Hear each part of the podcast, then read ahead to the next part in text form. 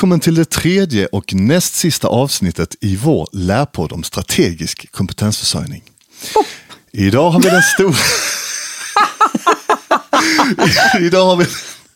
Idag har vi den stora äran att ha Liselott Hassel som jobbar med utbildningsuppdraget på koncernstab HR med oss i studion. Yay. Välkommen Liselott. Hur står det till idag? Tack så mycket Magnus. Det är jättebra. Det är så kul för att vara här. Härligt. Roligt att ha dig här. I förra avsnittet så lyssnade vi på Kerstin och Magnus som berättade om hur de ser på strategisk kompetensförsörjning utifrån sina perspektiv, alltså verksamhetsnivå och förvaltningsnivå. Och det jag funderar på nu, det är ju hur allt hänger ihop i det regionala perspektivet. Vad säger du om det, Evelina? Ja, jag tänker så här. Verksamheternas samlade behov av kompetens och regionala förändringars effekter på det behovet, det är underlag för beslut om rätt insatser och ekonomiska medel i det strategiska kompetensförsörjningsarbetet. Mm -hmm, Okej, okay. men vad, vad, betyder det helt konkret? Det var inte så konkret. Ja, hyfsat, ja, men kanske Vi försöker igen. igen.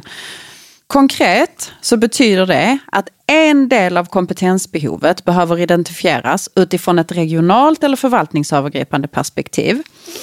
Den delen eh, behöver ta hänsyn till strategiska riktningsmål, eh, till exempel framtidens hälsosystem som vi har haft uppe i den här podden innan. Det behöver ta hänsyn till till exempel stora demografiska förändringar eller andra beslut som fattas för att liksom utveckla organisationen i sin helhet. Mm. Den andra delen av kompetensbehovet behöver identifieras ute i verksamheterna utifrån de förutsättningar som finns och de mål som är satta där. Sen slår man ihop de här två delarna eh, och får liksom en samlad bild av kompetensbehovet i sin helhet. När vi har det, då kan vi ta beslut om rätt insatser och äska pengar och, och jobba med den delen. Mm. Mm, så hänger det ihop tänker okay. jag. Men så för att göra rätt prioriteringar och insatser, då, då måste jag alltså ha koll på vårt kompetensbehov på alla de här nivåerna. Inte bara idag, utan även i framtiden. Exakt.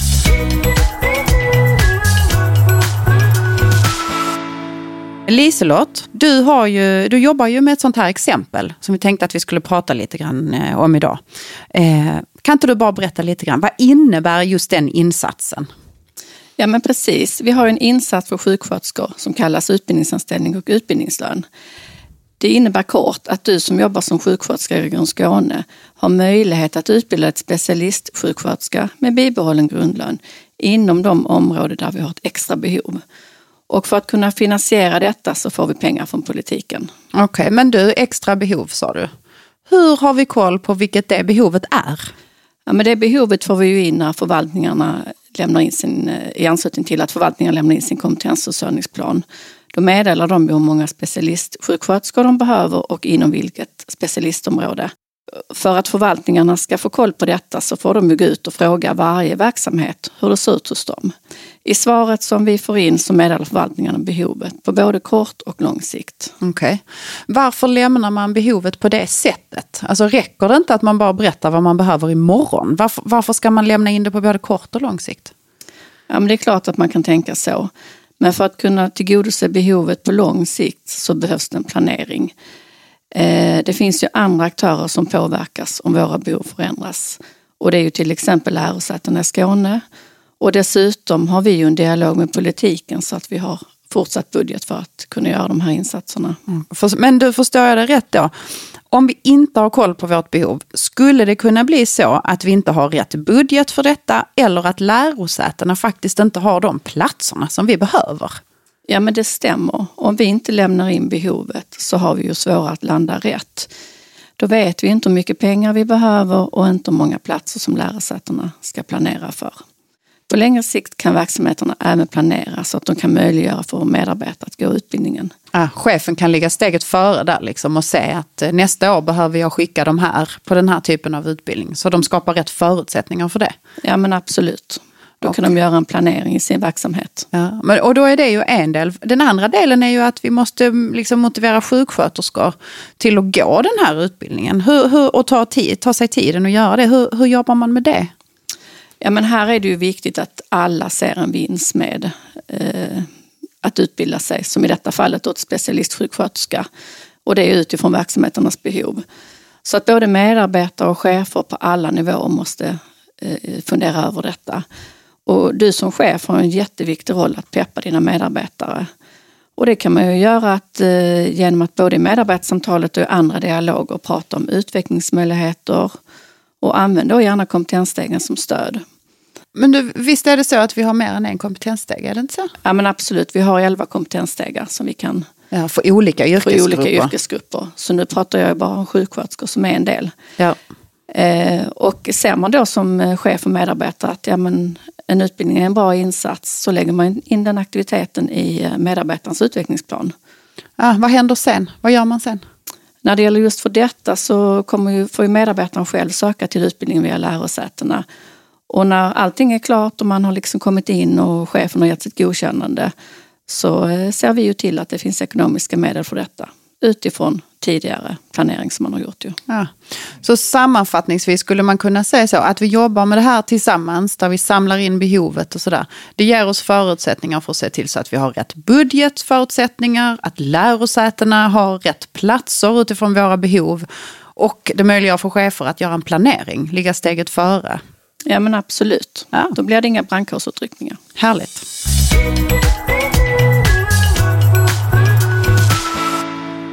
Du, eh, jag tänker det här är ju ett exempel på hur allt hänger ihop. Eh, Kan du superkort bara berätta om något annat exempel? Ja, men jag kan ju berätta om prao. Prao är ju ett utmärkt sätt att påverka den långsiktiga kompetensförsörjningen. Man kan ju tänka liksom att amen, det har väl inte med mig att göra, jag kan väl inte göra någonting med detta. Men eh, här har du ju möjlighet som chef att visa upp din verksamhet, vilka yrken som finns och på så sätt förhoppningsvis påverka en ung person att välja ett yrke vi har behov av. Och jag tänker de flesta minns ju säkert sin prao-period med antingen glädje eller skräck eller hur det nu var. Liksom. Eh, Min första prao-period stod jag och tvättade håret på äldre damer hela dagarna. Det kanske inte gjorde att jag ville bli frisör. Men förhoppningsvis kan vi erbjuda en bättre upplevelse. eh, Absolut, Så man blir det. lite sugen. Jag minns också min handledare hette Kristel. Vad gjorde du? Eh, min första praktik var på bank. Ja men du ser. det eller ej. Tror det eller ej. Tänk vilka vägar. Men det är, första, det är ju första mötet med arbetslivet faktiskt. Ja. Och en väldigt strategisk insats. Eh, Det är, vi, vi märker inte resultatet idag. Utan vi märker inte resultatet förrän de här som under praotiden går på högstadiet sen ska ut i arbetslivet. Men man kan ju också tänka eh, att ta emot en praoelev kommer ju att kräva en del av chefen. Eh, både i tid och ansvar. Hur, hur, tänker, hur, hur ska man tänka kring det? Ja, men det har du ju helt rätt i. Det kommer ju kräva en hel del av våra chefer. Men samtidigt så tror jag att det är väl investerad tid för framtiden.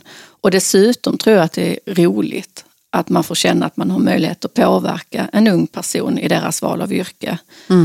Och för att hjälpa cheferna i, i detta arbete så har vi tagit fram ett stödmaterial på vad man behöver tänka på innan, under och efter praoperioden.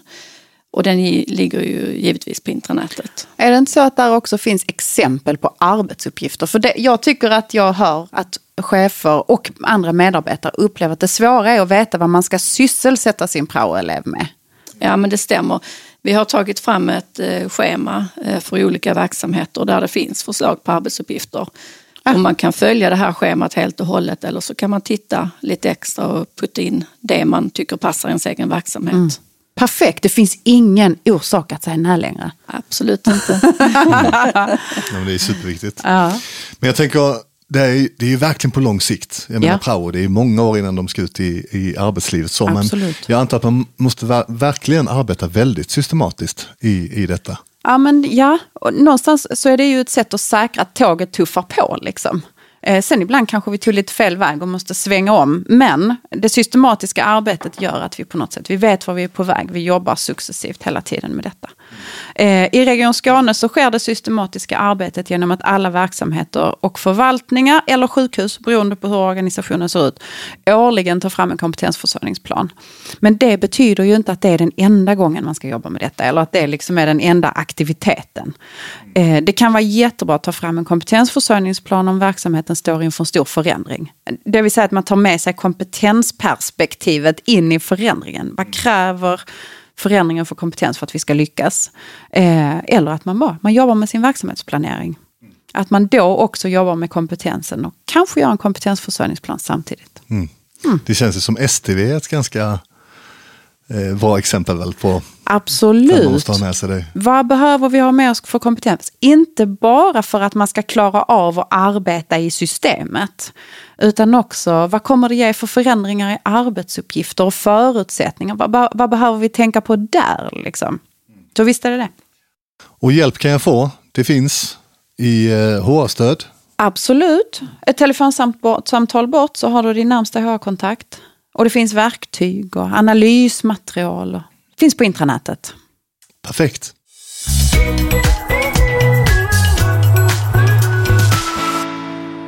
Nu är det dags för dig som lyssnar att reflektera en liten stund. Har du koll på er kompetensförsörjningsplan och hur jobbar ni systematiskt?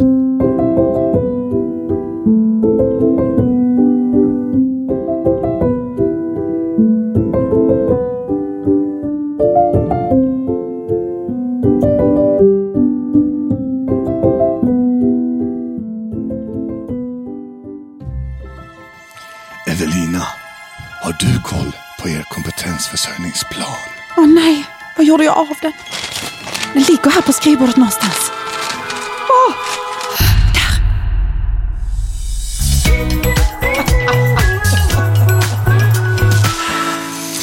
Åh, Jesus.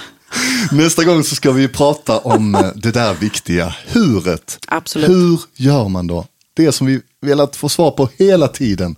Äntligen. Eh, och vi kommer få hjälp av, vem kommer vi få hjälp av, eh, Evelina? Sara Vidén, områdeschef i eh, Nordost och Sandra Jarl här från Koncernstab HR. Mycket bra. Stort tack för att ni har lyssnat och extra stort tack till dig, Liselott! Gör en bra dag. Hej.